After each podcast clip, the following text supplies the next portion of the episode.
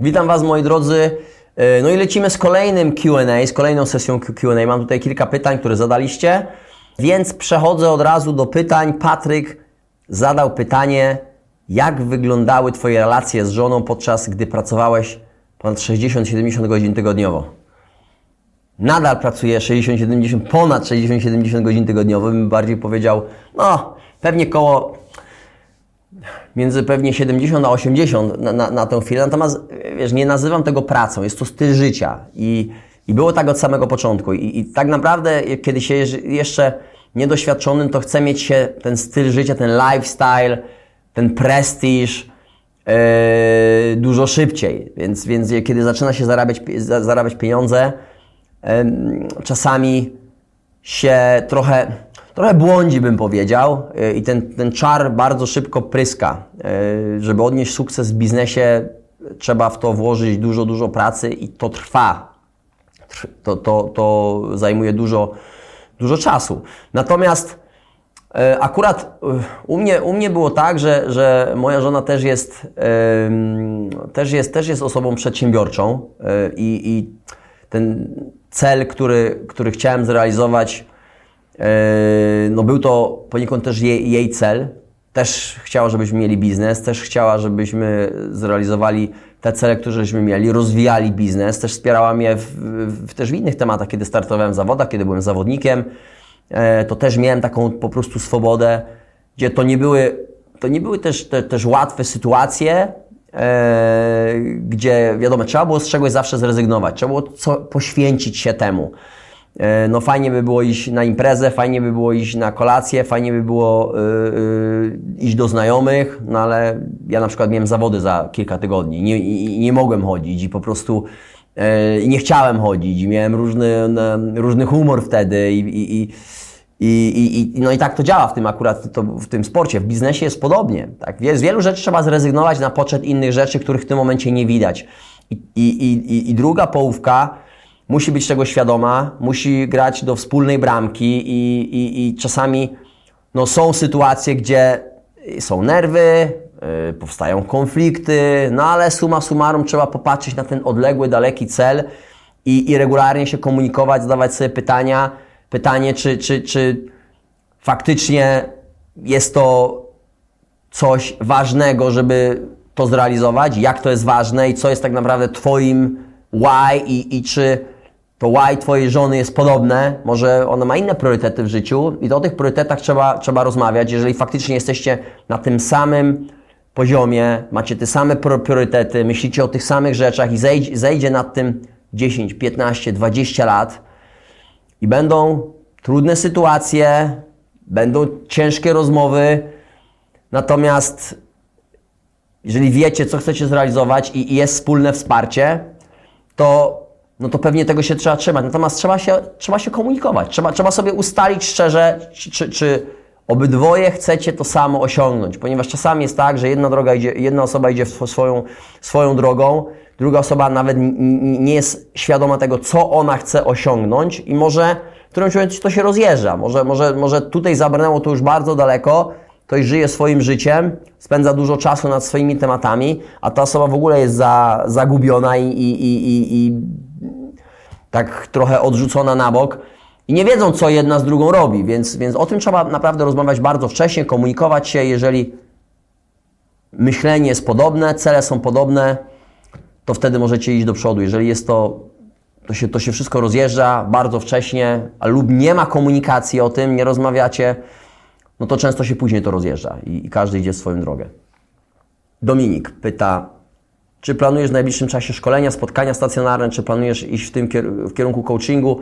Pla planuję, nie wiem czy to będzie, raczej to nie będzie w najbliższym czasie.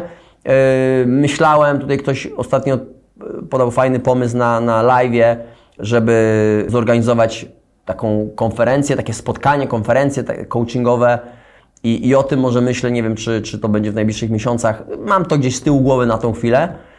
E, więc fajnie by było, żeby takie coś zorganizować e, dla, dla określonej grupy. E, natomiast indywidualny coaching, coraz więcej, wiecie, coraz więcej osób o to pyta. Indywidualny coaching biznesowy, rozwój osobisty, taki jeden na jeden coaching. Jeżeli ktoś z Was jest zainteresowany takim czymś, to napiszcie do mnie bezpośrednio, ponieważ rozważam to i, i, i rozmawiam już z kilkoma osobami, też będę ustalał jakieś warunki, czas na to, muszę też wygospodarować trochę czasu na to, żeby móc się tym zająć.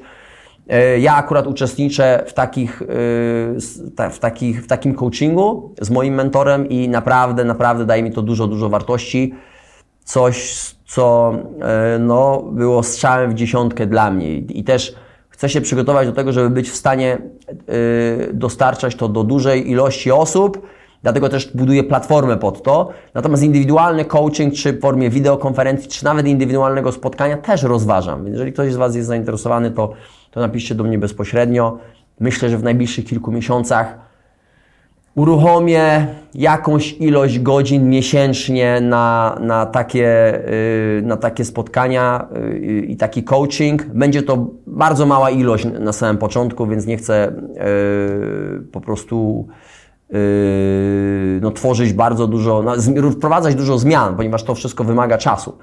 E, więc jeżeli wypuszczę kilka godzin miesięcznie i będzie to e, taki dostępny czas, no to będzie tylko i wyłącznie dla niewielkiej grupy osób. Ale jeżeli ktoś jest z Was zainteresowany, to, to możecie do mnie bezpośrednio napisać na, e, czy to na mediach, czy to na Instagramie, czy na, na Facebooku, czy nawet, czy nawet i tutaj. Patryk pyta, szkoląc, szkoląc pracownika, warto podpisać umowę lojalnościową. Czy może go to zniechęcić? Czy wymagać od pracownika szkolenia się na własną rękę. Wiesz, wszystko, Patryk, wszystko zależy od tego, na jakim pewnie etapie jesteś teraz w swoim biznesie, ponieważ tak, możesz wymagać kompetencji od danego, danej osoby yy, i już określonego poziomu i zatrudnić osobę z zewnątrz, jeżeli yy, zatrudnisz takiego eksperta, oczywiście, że za takiego eksperta trzeba będzie odpowiednio zapłacić.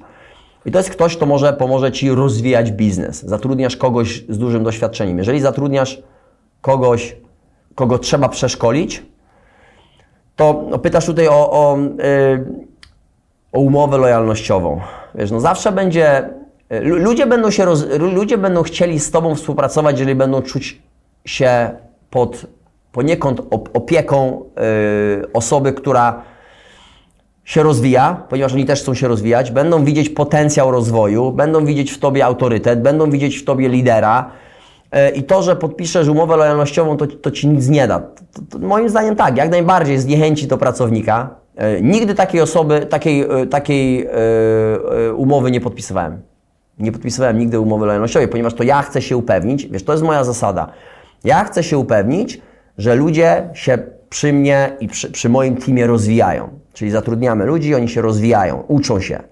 Jeżeli ktoś sam się uczy w tym momencie, świetnie, bo i tak sam u, u nas akurat jest taki poziom, że, że, że wymagane będzie też yy, uczenie siebie, samego siebie, spędzenia trochę czasu nad tym, żeby się rozwijać. Poza firmą. Firma też spędzi trochę czasu, energii yy, na to, żeby rozwijać swoich pracowników. Natomiast jeżeli ktoś naprawdę chce się rozwijać, to musi spędzić czas też własny na to. E, więc, więc taką mam zasadę, żeby ludzie się przy nas rozwijali, przy mnie się rozwijali i ryzyko jest takie, że ktoś się rozwinie, ktoś się doszkoli i odejdzie. No jest takie ryzyko. Może i tak, tak się zdarzało wcześniej. No, natomiast jeżeli ktoś widzi potencjał rozwoju, widzi, że jest w stanie w tej firmie awansować, widzi, że ma do czynienia naprawdę ze świetnymi ludźmi, od których może się regularnie uczyć i widzi, jak dużo się nauczył i widzi, że po tym, że awansował, zarabia teraz więcej i widzi potencjał rozwoju swojej kariery dalej, to nie chce odejść. I, to jest cel. Czyli rozwijaj ludzi, którzy będą mieli możliwość pracy gdzie indziej, w różnych firmach, natomiast nie będą chcieli ponieważ chcą zostać u Ciebie. To jest, to jest cel.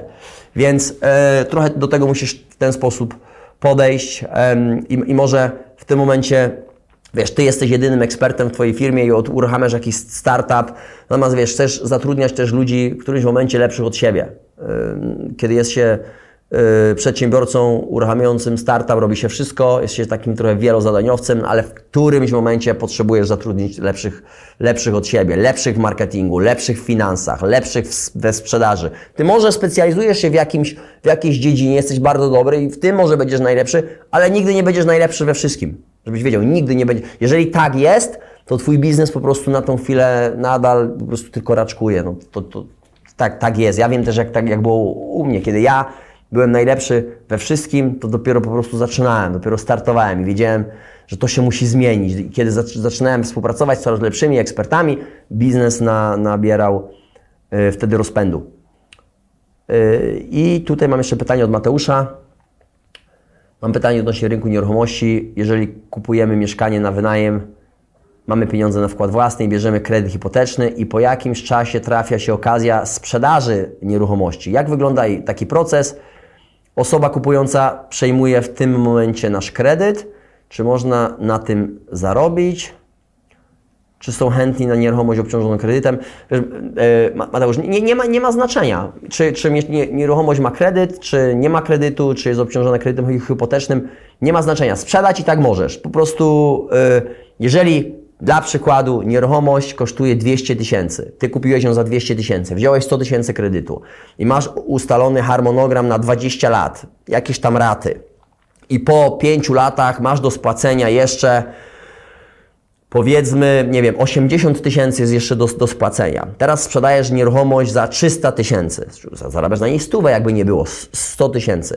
Więc to, co otrzymasz, te 300 tysięcy, które otrzymasz, spłacisz ten kredyt i zostanie Ci różnica. Oczywiście jest to robione w ramach aktu notarialnego. To nie jest tak, że Ty możesz lub nie musisz spłacać tego kredytu. On musi być spłacony, ponieważ Twój kupiec musi otrzymać y, nieruchomość y, nieobciążoną y, kredytem hipotecznym. Może też stać się tak, że on poniekąd może przejąć ten kredyt hipoteczny, natomiast to jest bardzo, tak, to się bardzo rzadko zdarza. Przewa przeważnie ktoś ma swój kredyt, jeżeli bierze na kredyt na to mieszkanie, Twoje mieszkanie jest też obciążone kredytem, też da się to zrobić. Jest to robione w formie aktu notarialnego, bank yy, yy, się na to zgadza, uruchamia odpowiedni proces, ty podpisujesz odpowiednie dokumenty, masz, masz przyznany kredyt yy, i notariusz, notariusz uwzględnia to wszystko w akcie notarialnym, więc nie robi to żadnej różnicy. Natomiast na co musisz zwrócić uwagę, czasami kredyty hipoteczne mają kary, za wcześniejsze spłacenie takiego kredytu.